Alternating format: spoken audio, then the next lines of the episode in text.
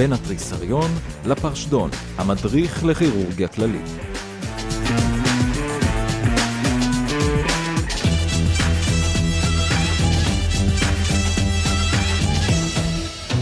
אהלן, ברוכים אה, לפרק נוסף של אה, המדריך לכירורגיה כללית. אני אה, רועי אנטבי, איתי נמצאים כאן דוקטור אמרי עמיאל.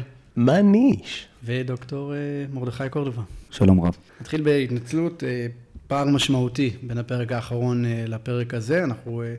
מה קרה? היינו... איפה היית, דוקטור אנטבי? יכול להיות שנולדו אנשים. כמובן שהכי זוטר בכירורגיה הוא זה שמקבל את כל האשמה, אבל... עכשיו אנחנו כאן ואנחנו שמחים אה, להיות איתכם, אנחנו נחזור אה, להעביר כמה שיותר אה, פרקים בהקדם האפשרי, ואנחנו נתחיל היום עם דימומי מערכת העיכול התחתונה, קצת רקע עכשיו, ואז נעשה מקרה קליני, וכמובן פינת שטח אש בסוף. נגיד גם תודה, תודה לכולם על התגובות ועל ההאזנה שמגיעה לשיאים חדשים, במיוחד בחודשים האחרונים לקראת מבחני הגמר. אנחנו כמובן תמיד נשמח להערות באופן פרטי, או... אם אתם נתקלים לנו במקרה במחלקת כירורגיה ב' בבית החולים שיבא תל השומר. ודוקטור אנטבי, אנחנו רוצים בשם ההפקה להגיד שזה כיף שאתה כבר לא מעבר לאטלנטי, אלא מעבר לשולחן. טוב שחזרת. קרוב במחלקה. וקרוב במחלקה. נקפוץ ישר לדימומי אה, lower GI bleed. באופן כללי, פחות חמורים מסכני חיים. אה, תזכרו, דיברנו קודם על upper GI bleed, היה פרק מקדים, כי זה יותר חמור ומסכן החיים. כמה הגדרות שצריכים להבין, שאני זוכר שאותי זה מאוד בלבל בתור סטודנט, שתכירו בסאביסטון, שמצוין occult GI bleeding ו obscure GI bleeding. אז obscure GI bleeding זה דימום שהוא נצפה קלינית, אבל המקור שלו בקולונוסקופיה או בהדמיה אחרת הוא לא ידוע, אבל אנחנו רואים דימום קלינית. וה occult bleeding זה גם שאין דימום קלינית, אבל יש דימום בבדיקות או אנמיה בבדיקות דם, או דם סמוי בצואה, נכון, ה occult stool test. שאנחנו רואים שיש איזשהו דימום קטן, אבל אנחנו גם לא רואים אותו קלינית, אז זה ההבדל. גויאק. גוייק, כן, וגוייק, אגב, זו המילה שטועים בה הכי הרבה ברפואה. אני עד היום לא יודע כמובן לאיית אותה. מבחינת, אה, נקרא לזה, האתרים הנפוצים לדימום, דוקטור עמיאל, מה, מה צריך לחשוב? מישהו מגיע עם lower GI bleeding, דימום per rectum. לא, קודם כל צריך להגדיר את ה- lower GI bleeding. אמרנו פתאום, נכון, נכון, פתאום, דיברנו כבר על upper, עכשיו מדברים לא, איפה הגבול. איפה, איפה עובר הגבול? ligament מסוים, אני, אני אלך על, על ה ligament של טרייץ. נכון. נכון, ככה יריתי. משאיר לנו הרבה דרך למטה. המון דרך למטה, נכון. אבל פרקטית רוב הדימומים ב-lower GA bleeding, אנחנו מדברים מהאיליוצק קלבל ומטה, עד האנוס. למרות ש... נכלל גם כל ה... בעצם כל המעי הדק, אבל די נדיר שהדימום הוא משם. ומבחינת המעי הגס, הקולון, מה המקומות הנפוצים, מה האתרים הנפוצים לדימום? אתה מתכוון לפתולוגיות? כן, לאטיולוגיות. אטיולוגיות, אוקיי. אז האמת שזה השתנה מ... ברבות השנים, אבל היום ממקמים במקום הראשון את הדיברטיקולר דיזיז, מחלת הסעיפים, 30 עד 40 אחוז מהמקרים. לאחר מכן anorectal disease, כלומר פיסורה, דחורים, דברים כאלה. ischemic colitis, מחלה מסוכנת, אחוז תמותה לא קטן, שדורשת פרק מעצמה לדעתי, ו colitis אחרים, כמו infectious colitis, כמו דיזינטריה, מחלה חיידקית, אה, ממה שם הפתוגנים. Clostridium jejuni. typhi, נכון, אה, סלמונלה typhi, ה non typhi כן. וה typhi, נכון. E. coli. E. coli, ה E, נכון, יש את ה E. כן. אנחנו אה, נתקדם מפה למקרה כן. הקליני, רק נציין, כמובן, אנחנו דיברנו על 95 אחוז שמקורם מהקולון, זה מבוגרים, בילדים יש התפשטות ומקל, אבל אם שואלים אתכם על, דווקא על מי הדק, שזה, כמו שציינו, הרבה פחות נפוץ, אז הדבר הראשון שצריך לקפוץ לכם בראש זה אנגיודיספלזיות, כגורם משמעותי לדימום מהמי הדק. עוד נקודה מעניינת, שאנשים... מה? רוצה להגיד IBD. צריך להגיד IBD, אנגיודיספלזיה, proctitis, radiation. משהו מעניין שרציתי להגיד זה שבדימומים במערכת העיכול התחתונה, הרבה פעמים זה יותר מגורם אחד, mm. וזה מעניין. לא אז זה נכתב שיר. תספר לי. סעיפים ודחורים. אה, זה נכון. ההמנון הקולורקטלי של המחלקה. סעיפים ודחורים בליל חורף קר. לא נשמעים תמיד אותו הדבר. טוב, אז uh, נתקדם למקרה הקליני. במסגרת תוכניתנו הכה את המומחה, נמצא איתנו באולפן המומחה שלנו לענייני קוסמטיקה. הכה את המומחה, עם דוקטור אימרי עמיאל. דוקטור אנטבי בתורנות מיון, ו... שיהיה במזל. מזל טוב, בהצלחה. גבר בן 62, מגיע למיון, מלין על דימום רקטלי בכמות רבה מזה שש שעות. הוא אומר שאין לו כאבי בטן, הוא לא מקיא, תיאבון שמור, לא היה לו חום. מבחינת הרקע הרפואי שלו, יש לו יתר לחץ דם, מטופל, והוא מגדיר זה שהוא מעשן אה, מעט. מה עוד חשוב באנמנזה, דוקטור מייל, בעניין הזה שמגיע מטופל, גבר בן 62, עם דימום טרי? מעבר להערכה ראשונית, לבדוק את יציבותו של המטופל, שזה אנחנו צריכים לעשות במקביל בעצם לאנמנזה, אז קודם כל נשאל, אה, נתחיל ברקע, אז נרצה לדעת על מחלות רקע, ונרצה לדעת על, לדוגמה, שינויים ביציות לאחרונה, ירידה במשקל, דברים שמכוונים לממירות קולורקטלית, הוא בסך הכל בגיל כבר, שזה משהו נפוץ, למרות שזה בדרך כלל לא מתבטא בדימום טרי, אלא אם כן זה גידול מאוד גדול ומקויה ותחתון, אבל חשוב לשאול את הדברים האלה. וכדאי לשאול מבחינת רקע על התרופות, אנטיקואגולציה, אנטי-אגרגציה, וספציפית אה, לגבי ההסתמנות הנוכחית, אה, חשוב לשאול שאלות קצת חטטניות בנושא היציאות, כמו האם זה דם שמגיע רק ביציאה, או לא, או לא רק ביציאה, האם הוא מלווה בכאב, האם הוא מלווה בחום, האם הדם הוא מעורבב יחד עם הצואה, או שהוא בא בנפרד לצואה.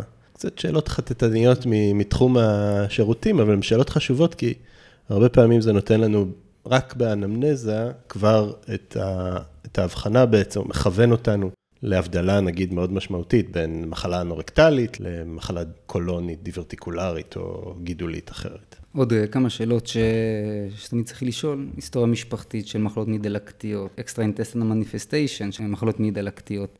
בירור אנדוסקופי. האיש בן 62, הוא היה אמור לעשות לפחות פעמיים כבר קולונוסקופיה, בגיל 50 ובגיל 60, וזה תמיד עוזר, כי פתאום האדם אומר לך, כן, עשיתי לפני אה, שלוש שנים, ולפני לפני שלוש שנים, ואז זה כבר גם יכול להכווין אתכם, אתה אומר, טוב, בן אדם שעושה קולונוסקופיה כל שלוש שנים, יש שם איזושהי בעיה, או היסטוריה משפחתית, או שהוא סובל מאיזה פתולוגיה של מערכת העיכול התחתונה. מבחינת הבדיקה הגופנית, אז אנחנו כמובן מסתכלים על המטופל, שהוא נראה, הוא חיוור ומזיע. יש לו לחץ דם 94 על 60, הוא טכיקרדיה 118 והוא חלש. אין לו חום, טמפרטורה תקינה. מבחינת בדיקת הבטן, אז הבטן היא רכה, אין רגישות. והשלב הבא שהוא מאוד חשוב בכל בדיקה גופנית, בטח בדם רקטלי, היא הבדיקה הרקטלית. דוקטור עמיאל, אני יודע שזה נושא שהוא מאוד קרוב ללבך, מה חשוב בבדיקה רקטלית? מה חשוב להקפיד? אנחנו עושים את זה, ואני זוכר כשאני הגעתי לך בתור סטודנט ואתה לימדת אותי את הדגשים מאוד חשובים שאני מקפיד עליהם עד היום. אז קודם כל צריך להגיד שהבדיקה הרקטלית הכירורגית קצת שונה מסיבות אחרות שאנחנו עושים בדיקה רקטלית, לדוגמה, יש לנו קולגות, אה, האורולוגים, רוצים לבדוק את הפרוסטטה, האורתופדים בטראומה רוצים לבדוק את הטונוס. כל אחד והסיבות שבגללו הוא עושה את הבדיקה. אנחנו, מה שמעניין אותנו בגדול, האם יש ממצא, פתולוגיה, אנורקטלית, כלומר, או מבחוץ, משהו פריאנלי, וזה חשוב לעשות לפני שאנחנו נכנסים בעוז ועיזוז אה, לרקטום. וכנ"ל, אם יש גם ממצא גוש, וזה משהו שקורה מדי פעם, שהם מששים אה, פתולוגיה ברקטום, לא נפוץ, אבל זה יכול לקרות, וזה חשוב לעשות את זה, ולכן צריך לעשות בדיקה טובה, כלומר להכניס את האצבע יחסית לעומק סביר, לא עם הפלנג האחרון שלנו. החולה צריך להסביר לו את זה וצריך להשכיב אותו במנח הנכון, מכופף, עם הרגליים כלפי הבטן, על הצד. כלומר, לחולה זה לא ברור שאנחנו עשינו באותו יום כבר 100 בדיקות כאלה. אז צריך להכין אותו לזה, ובנוסף אנחנו צריכים אה, להבין מה, מה יוצא. כלומר, האם יש צואה, האם בכלל יש תוכן. ואם יש תוכן, צריך להעריך אותו גם מבחינת הקונסיסטנציה, גם מבחינת הצבע, גם מבחינת הריח, טעם לא צריך, אבל כל שאר החושים צריך להפעיל אותם. אה, אז אנחנו מבצעים אה, אה, מה שנקרא DRE, Digital Rectal Examination, PR. יש לו דם שמעורבב עם הצואה וקצת קרישי דם.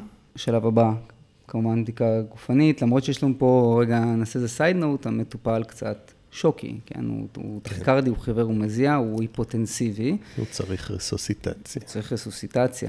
שוב, אנחנו קצת סוטים מהנושא, אבל איזה רסוסיטציה, דוקטור מיל, תן לי את המשפט. פה אנחנו צריכים בעצם להחזיר דם. החולה מאבד דם, הוא צריך לקבל דם. אם מאיזושהי סיבה אנחנו נמצאים במתקן ללא דם, אז הוא יקבל קריסטלואידים, אבל אנחנו בבית חולים אה, בישראל, אז הוא יכול לקבל דם, הוא לא צריך אה, מנות חירום כרגע, אפשר להצליב דם כמו שצריך ולתת לו מנה מתאימה, אבל הוא בהחלט צריך, במצב שהוא מגיע, הוא צריך כבר דם. וזה אפשר להגיד עוד לפני שראינו את בדיקות הדם, שזה יהיה השלב הבא. עכשיו עוד גם משהו שאולי זה ברור, אבל נציין את זה בכל מקרה, שמה שקובע את הצורך במנת דם, כלומר חוץ מהמספרים האבסולוטיים, זה גם איך המטופל נראה, כי גם אם אה, בן אדם איבד שניים או שלושה גרם המוגלובין, אה, הוא ירד מ-15 ל-12, אבל זה קרה במהירות והגוף שלו לא עבר אדפטציה, הוא יהיה סימפטומטי, ואם הוא מספיק סימפטומטי ושוקי, אז גם על המוגלובין 12 הוא יקבל מנת דם, זה, זה לא רק המספרים, צריך לדעת את זה.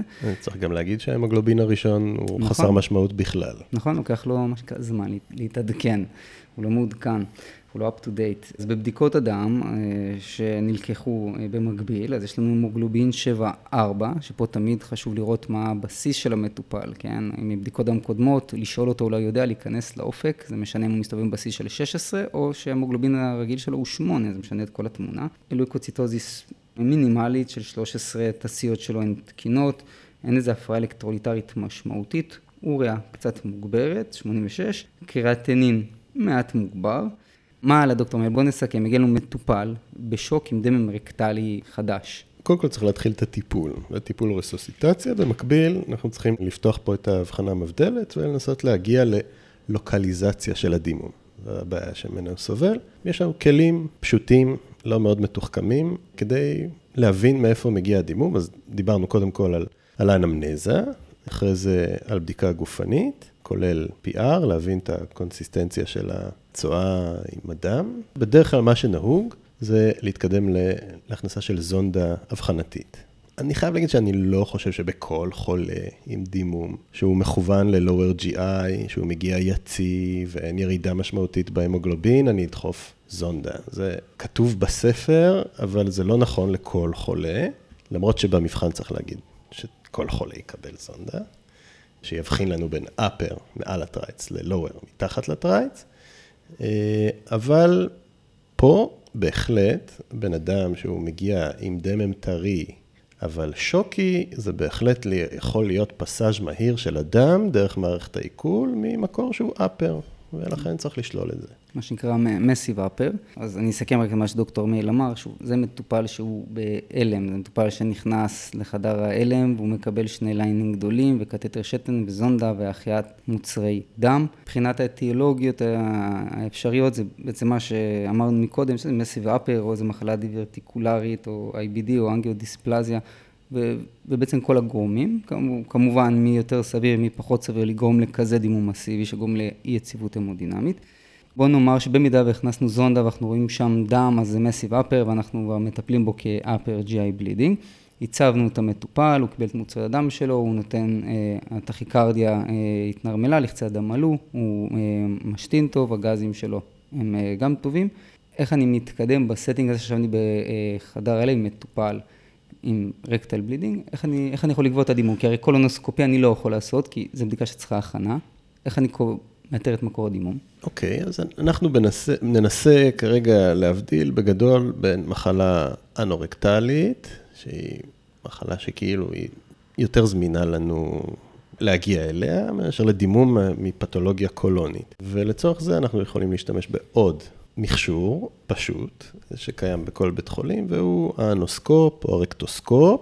בספר כתוב אפילו סיגמואידוסקופ, כלומר סוג של קולונוסקופיה קצרה, שהיא בעצם לא דורשת הכנה, הכנת מעי מלאה, אפשר להשתמש בחוקן לפני הבדיקה, היא בדיקה גם שנעשית ללא סדציה, ולכן החולה גם לא צריך להיות בצום לפני הבדיקה. ה yield שלה הוא עדיין יהיה נמוך, בלי הכנת מעי, אבל זה קיים ב armamentarium שלנו נגיד, אבל בשביל זה צריך גסטרואנטרולוג שיעשה את זה בישראל, ועדיין כל כירורג צריך לדעת לעשות אנוסקופיה פשוטה או רקטוסקופיה. זה כלי שאנחנו יכולים אה, בעצם רק עם קצת ג'לד זרקאין או משהו כזה, להכניס אותו ולהגיע לטווח של האזור של התחורים, של ה-Z-line, ולעבור אותו ולראות האם הדם מגיע מלמעלה, או שהוא פורץ מתחור או משהו בסגנון הזה. ואז זה ימקם לנו את הדימום, באופן גס לדימום אנורקטלי או לא, ולפי זה נוכל אה, להתחיל אה, להתוות את הטיפול או את המשך הבירור. אז נניח שבמידה והדימום הוא כמובן אה, אנורקטלי, אנחנו ניגש ל-UA ולעצור אותו, זה משהו שהוא זמין ונגיש. בוא, בוא נקשה במרכאות ונניח שלא, והאיש ממשיך לדמם, מה, איזה כלים יש לי בחדר מיון ב setting הדחוף, לאתר את מקור הדמם.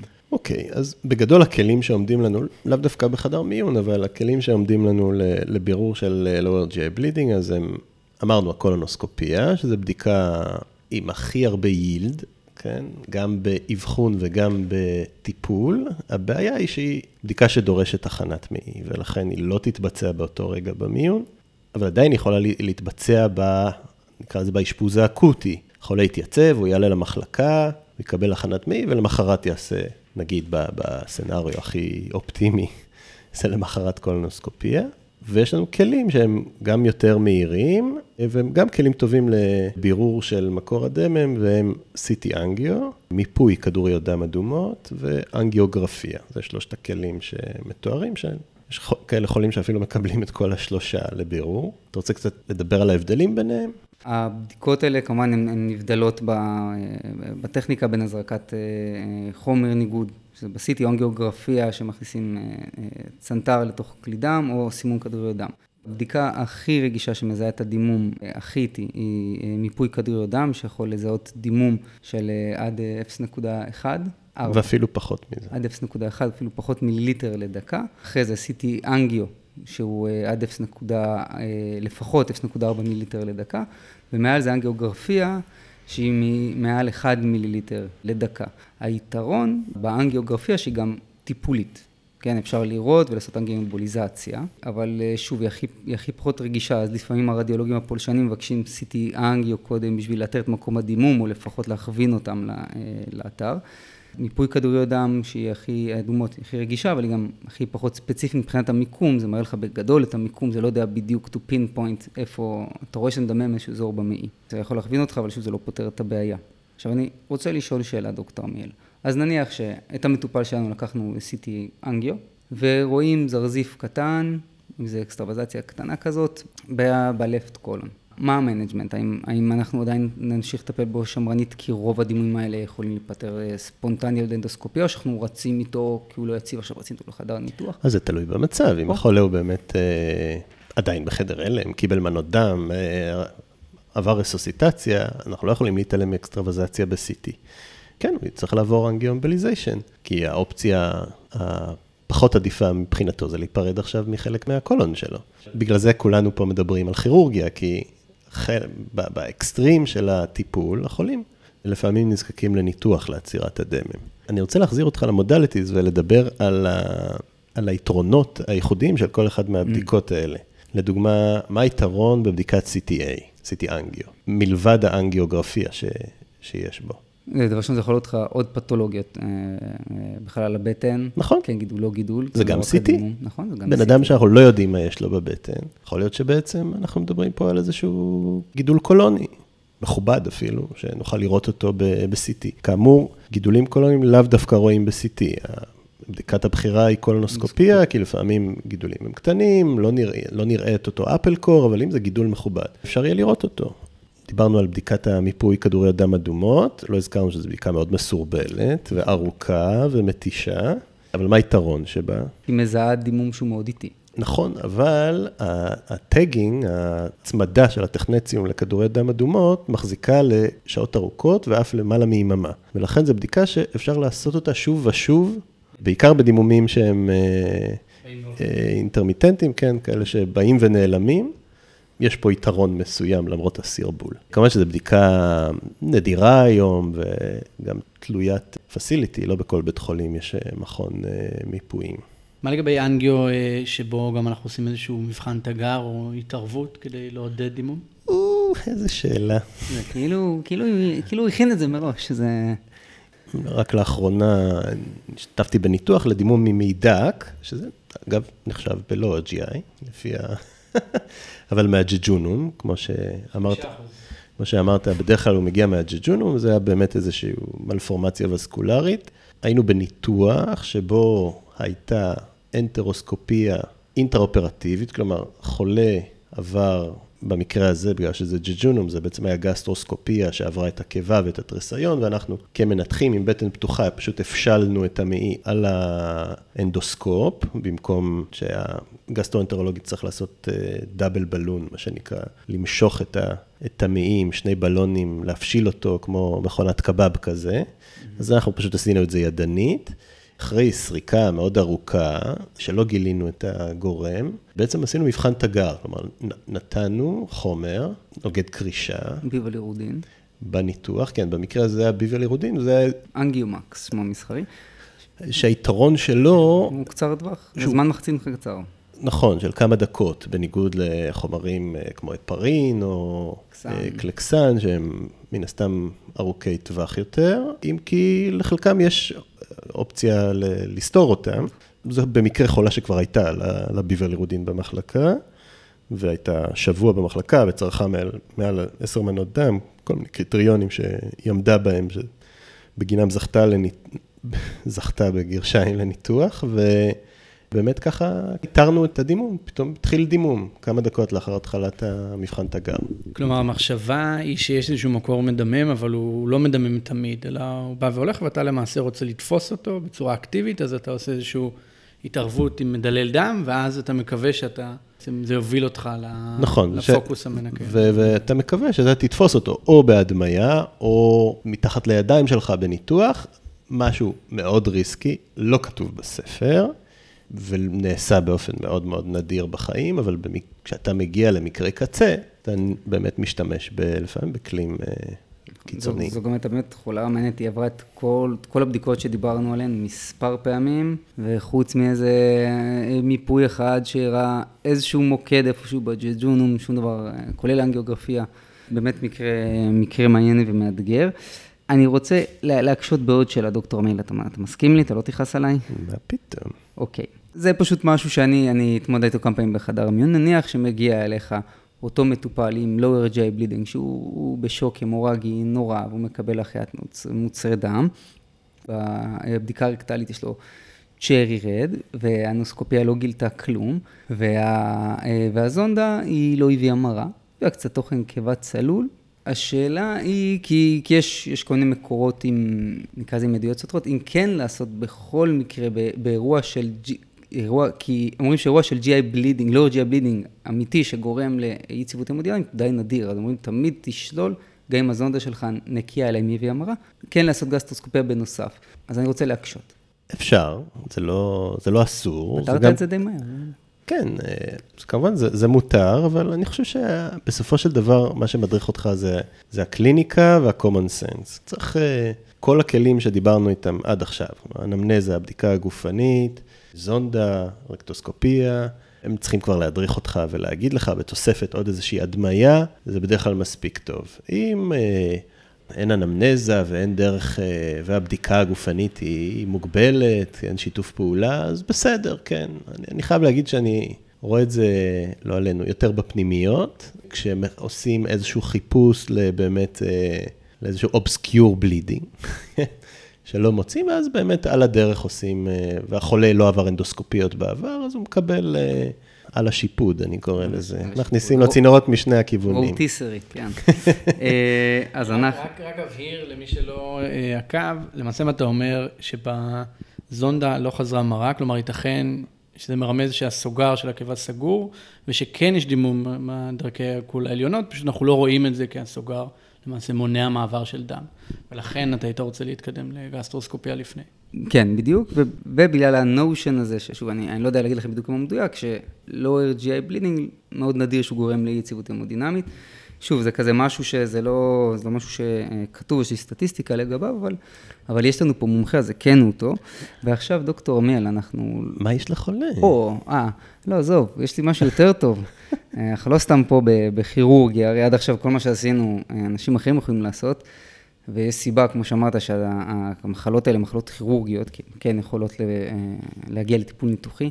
מהן האינדיקציות לטיפול ניתוחי לדימום מערכת עיכול תחתונה? קודם כל, כמו כל דבר, יציבות המודינמית זה תמיד אינדיקציה לפעול, כי אם החולה לא יציב, אז אנחנו צריכים לקחת אותו לחדר ניתוח. חוץ מזה, יש גם מושגים כמותיים של כמות אה, מנות הדם, אז כעיקרון, ה-Massive GI Bleeding נחשב לשתי מנות דם אה, שצריך לתת, ארבע. כן. ארבע ב-24 שעות או עשר או במצ- עשר ב total, כן. אז להגיד לך שחייבים ללכת, אה, אתה יודע, על המנה, אבל אה, אנחנו מרגישים לפעמים שאנחנו מגיעים למיצוי הטיפול הלא ניתוחי, וצריכים להציע למטופל אה, ניתוח, כל עוד שהוא יציב, כן. אם הוא לא יציב, אז כמובן שצריך לקחת לחדר ניתוח. מה זה blind subtotal colectomy, ומי הוא, מי blinded פה בסיפור הזה? זה double blind. אני, קורדובה, מטופל, דמיין את זה כמו המשחק הזה, איך זה נקרא? להכות בדחליל ואז עושים סוכריות. פיניאטה. פיני, כן. כן, שמרביצים לזה. אז- טוב, מסכן החולה שצריך לעבור את זה. זה כמובן מקרים מאוד קיצוניים שבהם יש דימום lower GI bleeding, שאנחנו לא מצליחים למקם אותו, אפילו כהוא זה. כלומר, גם נגיד מיפוי, שזו הצורה הכי מעורפלת של לוקליזציה, יכולה להגיד לנו זה מצד ימין או מצד שמאל, אז כבר אנחנו יכולים לחסוך למטופל חצי מהקולון. אבל אם יש באמת אה, חוסר יכולת לאבחן והחולה לא יציב, אנחנו לוקחים אותו לחדר ניתוח, ובאמת כאקט אחרון של הצלה עושים total abdominal colectomy, או subtotal, שזה בעצם להוריד את כל המעי הגס בבטן למעט הרקטום. צריך להגיד, אחוזי תמותה מאוד גבוהים, וכנראה זה באמת הפתרון האחרון אה, בסל. נצא רגע מהשאלה הזאת. אנחנו הזכרנו מקודם שהגורם הכי נפוץ לדימום מערכת העיכול התחתונה, בעולם המערבי לפחות, שליש מהמקרים זה מחלה דיברטיקולרית. עכשיו, זה, מהניסיון שלי, דימום, דימום שהוא הוא די היקש, הסעיפים האלו. ויש את העניין, ה... לא יודע אם לקרוא לזה אה, היסטורי או לא, ואני לא רוצה להעליב אף אחד, אה, אבל שיצא לי לראות אותו כמה פעמים והוא די יעיל, של, של חוקן בריום. אז נכון. אם תוכל אה, לחלוק עמנו. לא, זה, זה נכון שזה זה דימום עיקש הרבה פעמים, אבל זה גם דימום שיכול להיות ספונטנית ברוב המוחלט של המקרים, והחולים בסופו של דבר הולכים הביתה בלי התערבות אפילו. או בוא נגיד ככה, עד שאנחנו כבר מגיעים ללוקליזציה בקולונוסקופיה, כבר החולה לא מדמם לרוב. למרות שגם אפשר לעשות ניסיון טיפולי בקולונוסקופיה ולשים קליפ, או זה, זה לא תמיד כל כך קל בדימומים הדיברטיקולריים. אפשר גם לעצור באנגיו וכולי, אבל יש חולים באמת שלא מגיבים לאף אחת משיטות הטיפול, ואז אה, גם באיזה סוג של ניסיון הצלה טרם כריתת המעי, אפשר לעשות אה, טיפול בעצם עם חוקן בריום. בריום הוא חומר מאוד סמיך, הוא נכנס לתוך הדיברטיקולים וסותם אותם. זה הרבה פעמים עוצר את הדימום, וזה גם מחזיק לטווח של חודשים עד שנה. ואני אפילו זוכר מטופל במחלקה שכבר הספיק לעבור את זה פעמיים בשנים האחרונות. יצא מאוד מרוצה, אה, שמר את המעי שלו. לא עבר ניתוח, הוא כמובן גם היה איזה poor candidate לניתוח. אה, זה משהו שמתואר בספרות ויש לו עוגנים והוכחות, אבל זה לא טיפול מקובל וזה לא טיפול שרשום בספר. וכשדוקטור מיל אומר סמיך, זה יצא לראות את זה, וגם אה, כשזה השפריץ עליי, זה ממש, זה ממש גבס, זה כמו, כמו גבס נוזלי כזה שהיינו משחקים איתו כשהיינו קטנים, או לפחות אני, כשאבא עושה לי קייטנת לייסטים ב- בנגרייה בחופש הגדול. בכל מקרה, דוקטור מיל, תודה רבה. Well, here's their 34. שטח אש, שאלות מחדר ניתוח. אוקיי, פינה אהובה. השבוע פגשתי אמ, סטאג'רית שאמרה שהיא הצליחה שלוש שאלות במבחני הגמר הארציים ללימודי אה, רפואה ב- אה, הארץ, בזכות שטחי האש שלנו. רק, אה, כאילו, רק שלוש שאלות בכל המבחן, או ש... אם זה רק שלוש זה לא טוב. אוקיי, דבר. אה, דיברנו הרבה על אה, lower GI bleed של מבוגרים. מהן האטיולוגיות בילדים? אז בילדים תמיד צריך לחשוב על אינטוסיספשן ומקלס, דיברטיקולום. מה המקור האמבריונלי של מקל? אוקיי, אז יפה, זו שאלה שהיא common knowledge בכירורגיה כללית, כמובן שהמקור האמבריונלי הוא בעצם שאריות של הוויטלין דקט, שבעצם צריך לדעת שזה מכיל מוקוזה גסטרית אה, או פנקריאטית, ולא, ולא מוקוזת אה, מעי. אה, דוקטור אנטבי, מהי הדמיה הכי רגישה אבל הכי פחות ספציפית לאיתור דימום? אז כמו שאמרנו בפרק, מיפוי אה, כדורי דם אדומות, מיפוי RBC, הוא יהיה יותר רגיש כנראה, אבל הוא לא ידע לזהות לנו איפה בדיוק במעי, אלא רק אזור כללי. אוקיי. ולשאלה הבאה, אז אמרנו שמחלה דיברטיקולרית מהווה בעצם ש... שליש מהמקרים אה, לדימום ב-lower GI bleeding, אבל מבין האנשים שלהם מחלה דיברטיקולרית, מה אחוז האנשים שיסבלו מ-lower GI bleeding? מעולה. אז זה מיעוט מהחולים, אה, או אנשים שיש להם דיברטיקולות, למעשה הם לא חולים. רק 15% יסבלו מדימום. צריך לזכור, יש אחוזים גבוהים באוכלוסייה, יש להם דיברטיקולוזיס, אנחנו לא מדברים על דיברטיקוליטיס כמובן, על דיברטיקולוזיס, ורק 15% מהם יסבלו מדימום. דוקטור קורדובה, כמה מאותם אה, דימומי דיברטיקולה ייפסקו ספונטנית? אה, בערך 75% מהמקרים. כלומר, הרוב המוחלט. לא, לא המוחלט, אבל הרוב. הרוב. כל דבר, אה, זרקנו ככה באוויר אנגיודיספלזיות, כמקור הכי נפוץ לדימום מהמעי הדק. אז אנגיודיספלזיה בעצם זה הפרעה נרכ... נרכשת, זו איזושהי הרחבה פרוגרסיבית של אה, כלי דם, יכולים לראות את זה אצל מטופלים עם אי ספיקת כליות, ויש מה שנקרא Heyde's syndrome, שזה אנשים שיש להם aortic stenosis ואנגיודיספלזיות בקולון הימני, לרוב בצקום, מגיע ביחד. דוקטור אה, אנטבי, מהם הפתוגנים הנפוצים שגורמים GI bleeding? אז דיברנו על פתוגנים אה, לפני כן שגורמים למעשה לדיזנטריה, זה סלמונלה טייפי, דיברנו על אה, קמפילובקטור, על ירסניה. שיגלה. שיגלה. בנוסף אליהם אבל כמובן C. diff הארור, וגם אם אנחנו אוהבים לדבר על וירוסים בעידן הנוכחי, אז במיוחד במדוכאי חיסון, צריך לזכור ש-CMV colitis יכול גם להתייצג עם דימום ממערכת העיכול. ושאלת בונוס, דוקטור אנטבי, החיידק ירסיניה אנטרוקוליטיקה, איזה מחלה כירורגית מאוד נפוצה הוא יכול לדמות? המחלה הכי כירורגית, הלוא היא דלקת בתוספתן, אפנדקס. כל דבר, אנחנו מתקרבים לסוף. הגורם הנפוץ ביותר לדימום GI ממקור לא ידוע. לא GI בלידינג. בשם הפרק. כן. It's the name of the game. ונסיים עם משהו שהבטחנו, אנחנו מדברים על אנגודיספלזיות בג'ג'ונום. כל מיני uh, מחלות uh, ודברים שזה מעלה לך בקורלציה.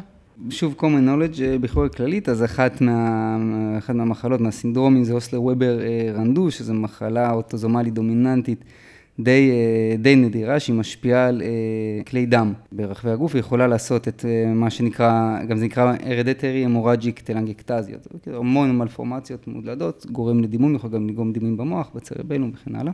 ואם יש נמשים מרובים? אז כנראה שאתה פוץ יגר. מצוין. וזהו, טוב, דוקטור אנטבי, תודה. היה כיף גדול. להיט. צ'או.